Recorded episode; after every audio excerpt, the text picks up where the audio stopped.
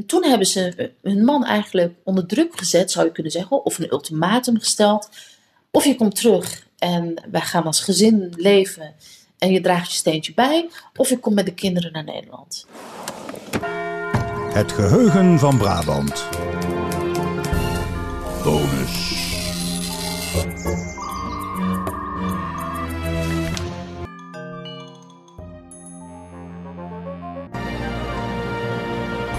Je luistert naar een bonus bij onze aflevering over gastarbeiders.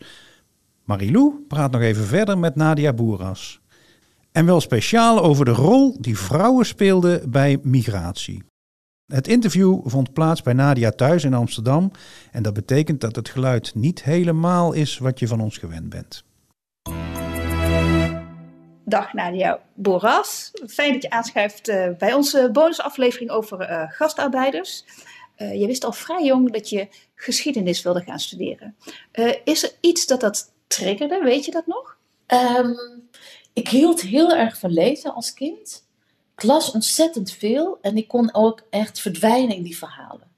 Vooral verhalen over vroeger. Dat vond ik heel erg leuk. En pas um, in de brugklas dacht ik, oh, er bestaat zoiets als een studie geschiedenis die je kunt volgen. En, en vanaf dat moment heb ik dat niet meer losgelaten. Um, het hielp ook wel dat ik een hele leuke, enthousiaste uh, docent geschiedenis had, uh, Kitty Bijl. En uh, dus ik weet nog dat we ons verdiepten in het dagboek van Anne Frank. Ja, dat vond ik reuze interessant, de Tweede Wereldoorlog. Maar ook de Grieken en de Romeinen. Ik vond eigenlijk alles wel leuk. En ik heb dat idee niet meer losgelaten. En ben dat dus gaan doen. Ja. En later kwam je tot de ontdekking dat je moeder ja. eigenlijk ook docent geschiedenis had willen worden. Ja, ja, maar haar leven liep, liep, liep, liep anders. anders. Ja, ja. Maar ergens zit dat Kennelijk heb ik dat toch uh, meegekregen. De liefde voor taal, de liefde voor cultuur, de liefde voor geschiedenis. En vooral de liefde voor verhalen. Die heb ik uh, van huis uit meegekregen. Want de liefde voor boeken lezen, dat komt van mijn moeder. En ik denk dat ze toch bij mij het zaadje heeft geplant. En uh, onbewust doen we toch wat, wat onze ouders willen dat we doen, stiekem. En uh, ik weet ook dat mijn moeder altijd zei: Ik zou heel graag willen dat je op een universiteit gaat werken. En ik dacht: Hou op, uh, dat wil ik niet. Uh, laat me met rust. ik voelde heel erg die druk. Maar goed, nou ja, kijk eens aan. Het is toch het gebeurd. En ik werk nu dus als docent en onderzoeker op de universiteit. En ja, het is, het is de leukste baan die er is. Ja? Ja. Ja. Want jij hebt gestudeerd aan de Vrije Universiteit, hè? Zeker. Uh, daarin ben je verder gedoken in de Marokkaanse migratiegeschiedenis. En ook vooral in de eerste generatie uh, vrouwen. Die ben je gaan uh, interviewen. Ja. Hoe, hoe, groot was hun rol in de besluitvorming om te migreren? Ja, heel groot. Kijk, het was helemaal niet zo vanzelfsprekend dat ik iets met mijn Marokkaanse achtergrond ging doen. Maar ik zocht een scriptieonderwerp en ik wist het niet. En ik had een gesprek met mijn professor, een van de hoogleraren. En die zei, doe iets met je Marokkaanse achtergrond. Want als jij het niet doet, doet niemand het. Toen dacht ik, oh ja, dat is wel waar. En ik was, vlak daarna was ik in Gouda en ik zag een expositie over Marokkaanse vrouwen. Uh, van de eerste generatie. En ze vertelden over hun migratie. En dat heeft me zo geraakt, want dat waren hele emotionele verhalen. De, veel gemis, veel pijn, veel heimwee. Verdrietige verhalen waren dat vooral. En dat had ik me nooit zo gerealiseerd. En toen ik thuis kwam, vroeg ik aan mijn moeder van, goh, hoe is het bij jou gegaan eigenlijk? Nou, toen kwam daar een heel verhaal. En dat was het begin van mijn scriptieonderwerp. Want over de mannen, daar hoorden we altijd wel wat over. De mannen kwamen werken, hoe ze leefden, hoe ze woonden in pensions. Dat beeld kenden we al uh, in, in belangrijke mate. Maar hoe het de vrouwen verging en hoe vrouwen hier naartoe waren gekomen, dat wisten we niet. Dus ik wilde heel erg vanuit het perspectief van de vrouwen onderzoek doen naar de Marokkaanse migratie. En toen kwam ik erachter dat het dominante beeld is: mannen werden gehaald en toen besloten de mannen hun vrouwen te halen. Alsof je een schaap in de, achter, in de kofferbak stopt en, en meeneemt. Uh, en ik dacht, dat kan toch niet waar zijn? Ze hebben daar toch zelf ook ideeën over gehad. En toen ben ik um, heel veel vrouwen gaan interviewen. En, uh, en heb ze ook gevraagd van, hoe zag je leven eruit? Hoe ben je naar Nederland gekomen? Hoe is dat allemaal gegaan? Wilde je wel naar Nederland komen? Nou, dat heb ik allemaal in kaart gebracht. En, het viel me heel erg op dat die vrouwen een hele duidelijke stem hebben gehad in het besluit om naar Nederland te komen. En die mannen waren er al en zij bleven vaak achter. En ze waren vaak niet, te, niet tevreden met hun situaties. Ze misten ook wel hun man of Ze vonden het heel zwaar dat ze zelf verantwoordelijk waren voor de opvoeding van de kinderen en het huishouden, zonder dat die man mee kon helpen. En toen hebben ze hun man eigenlijk onder druk gezet, zou je kunnen zeggen, of een ultimatum gesteld. Of je komt terug en wij gaan als gezin leven en je draagt je steentje bij, of je komt met de kinderen naar Nederland. En dat laatste is gebeurd omdat teruggaan voor die mannen toch geen serieuze optie was, want ze hadden werk. En dat werk zouden ze niet hebben in Marokko, waar de werkloosheid nog heel hoog was in die periode. Dus ze hebben eigenlijk, ik heb ze ook de motor achter de gezinshereniging genoemd, omdat ze een hele belangrijke rol hebben gespeeld in die besluitvorming om naar Nederland te komen. Ja. Dus het waren helemaal, de titel van mijn scriptie was geloof ik, uh, Marokkaanse vrouwen naar Nederland, passieve immigranten of actieve, nee, passieve volgelingen of actieve migranten. En het waren dus actieve migranten. Ze waren helemaal niet zo passief zoals het dominante beeld uh, is en was over die vrouwen. Ja, ja ik zit we hebben in, uh, in onze podcast, die bestaat uit verschillende onderdelen. En we hebben ook uh, een rubriek die heet Stemmen uit het Verleden. En dan lezen studenten van de Koninklijke Theateracademie brieven of uh, ego-documenten voor. En we hebben dit keer hebben we van die briefjes van een stichting, ben de naam kwijt, maar die gaat over gezinshereniging. Mm. En er zijn allemaal hele korte briefjes van pensioen gezocht voor meneer X. Ja. Maar eentje herinner ik me, we hebben dat een tijdje terug opgenomen, en het was werd meneer verzocht zijn vrouw uh, af te remmen, want die had al een ticket geboekt. maar Ja. het was nog in huisvesting. Maar Ja. ik denk, ja, Ja. het was voor mij ook een openbaar. En ik, oh oké, dus zo kon dat dus ook gaan. Zeker, zeker. Dat, dat ze vanuit Marokko. En daarom, als je migratie wil begrijpen, dan moet je dus kijken naar de Marokkaanse context, de Nederlandse context. Gewoon ook de, de individuele omstandigheden van migranten zelf. Maar ook vooral kijken naar vrouwen. Want vrouwen hebben vaak, spelen gewoon altijd een hele belangrijke rol in, in ja, toch wel hele belangrijke besluiten in het leven van zo'n gezin.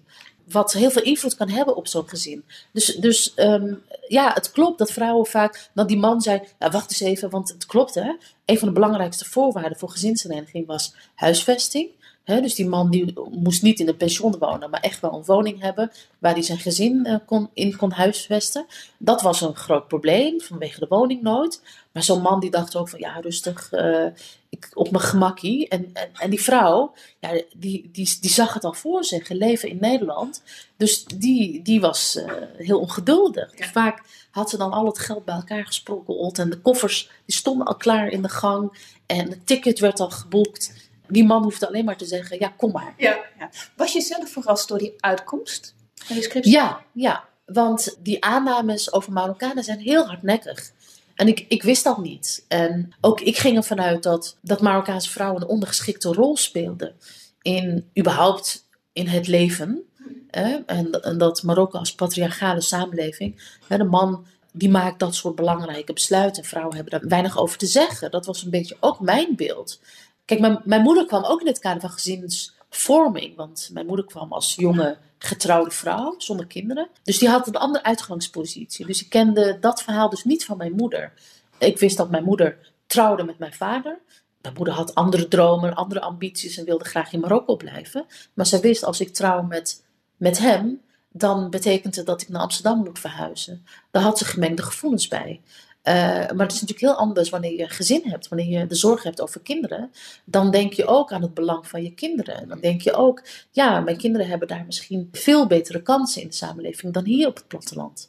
Dus ik kende, ik kende dat perspectief niet. Dus ik was ontzettend verrast, maar ook uh, positief verrast, maar ook uh, blij om te zien hoe krachtig. Dat wist ik natuurlijk altijd. Hè? Als je uit de Marokkaanse cultuur komt, dan weet je dat Marokkaanse vrouwen uh, achter de schermen een hele belangrijke rol spelen. Dus dat wist ik wel. Maar om te zien dat ze ook het lot in eigen hand hebben genomen, dat, dat vond ik heel mooi om te zien. Ja, ja, ja. En leerde het je ook nog iets over je eigen uh, herkomst? Want de rol van, je, van jouw moeder was iets anders. Maar was Ja. het ook binnen uh, families dat je denkt, oh, maar misschien is het daar wel zo gegaan? Nou, het leuke was, is dat ik vaak de vrouw moest zeggen van... Dat betekent dat u dus een hele belangrijke Oh, rol heeft gespeeld. Want ze waren zich vaak helemaal niet bewust van wat ze deden. Zeiden ze, ja, nou ja, ik, ik, ik vond gewoon dat ik weg daar moest. En ik vond dat de kinderen ook bij hun vader moesten zijn. En ik vond dat we als gezin samen moesten leven. Dus hun doel was helemaal niet, ik wil, ik wil migreren. Of ik wil een vrij leven hebben of zo in, in Amsterdam of in Den Bosch of wat dan ook. Dat was helemaal niet hun uitgangspunt. Hun uitgangspunt was, in het belang, wat is in het belang van de kinderen? En wat is in het belang van ons als gezin? Dus ik moest heel vaak zeggen, nou, het, het heersende beeld is dat u eigenlijk weinig te zeggen heeft en dat de man alles bepaalt. En dan, dan moeten ze natuurlijk heel hard lachen, want dat is natuurlijk niet zo. Achter de schermen hebben zij vaak eh, de broek aan in huis.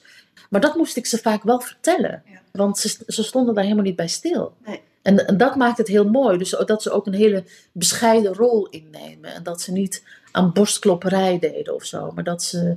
Het gezegde is niet voor niks. Hè? Ehm, het paradijs ligt aan de voeten van de vrouw. Hè? Dus dat betekent dus dat als de vrouw het goed heeft, dan geeft ze dat terug. Hè? Dan, geeft ze dat ook aan, aan haar naaste, aan haar gemeenschap. Dat is heel erg belangrijk. Dat je dus door moet hebben dat, dat het vaak begint bij de vrouw. En als de vrouw ziet wat in het algemeen belang is, dan komt het goed. Want zo'n man, ja, die dacht, laten we ook eh, niet, niet, niet heel zwart-wit hoor, maar het- die vond het allemaal maar best hoor. En die vond het allemaal wel goed, dat eh vrijgezellen bestaan in, eh, in Nederland. Terwijl de vrouw toch eh, het harde werk deed. Ja. En, en, en vrouwen hebben daar toch echt wel een verandering in gebracht. En als je dan tot zo'n conclusie komt, zo- die, je- die jezelf verrast, denk je ook van, ja, dit is ook wel de reden waarom geschiedenis eh, en eh, het bestuderen van de geschiedenis zo interessant blijft. Ja, zeker. Ik vind mijn vak ook heel erg leuk omdat je verhalen kunt vertellen, onvertelde verhalen, onbekende verhalen.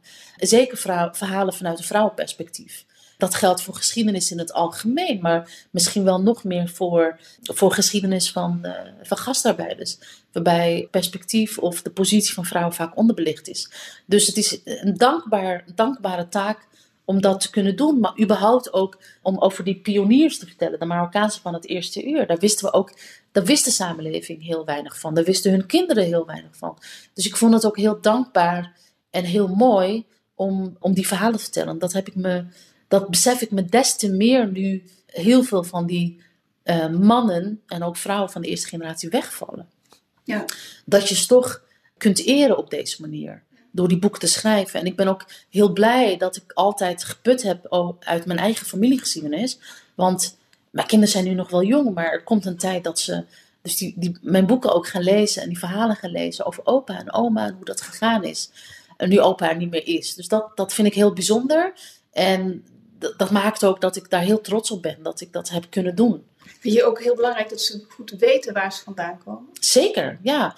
Ik, ik- het is echt heel belangrijk om te weten waar je vandaan komt, zodat je ook weet wie je bent en waar je staat en hoe je je verhoudt tot de samenleving en tot, tot Marokko of wat dan ook. Ehm, en het gaat mij niet per se om Marokko of om Nederland, maar het, het is een stukje persoonlijke ontwikkeling die heel erg belangrijk is als je weet eh, waar je familie vandaan komt en in welke tradities je geworteld bent. We doen bijvoorbeeld ook projecten met basisscholen en dan moeten eh, leerlingen van groep 7 en groep 8 ook op zoek eh, naar hun familiegeschiedenis. En die ligt soms in Suriname, of in Syrië, of in Pakistan, of in Marokko, of in Turkije. En dat is heel mooi, eh, want dan moeten de kinderen bijvoorbeeld ook opa of oma interviewen. En dan leren ze gewoon heel veel van. En, en als je weet waar je vandaan komt, dan weet je ook wie jij bent. Dan leer je ook een stukje over jezelf. Dus het is echt heel belangrijk dat we deze verhalen blijven vertellen en blijven onderzoeken. Ik kan geen mooier einde bedenken dan dit. Hartelijk dank voor al je mooie verhalen. Heel graag gedaan. Je luisterde naar een bonus bij onze aflevering over gastarbeiders. Wil je de hele aflevering luisteren? Ga dan naar big.nl/slash podcast. Vond je deze podcast leuk? Luister dan ook eens naar Vrouwen Buiten Zicht. Welkom bij Vrouwen Buiten Zicht. Daders en slachtoffers in turbulente Brabantse tijden.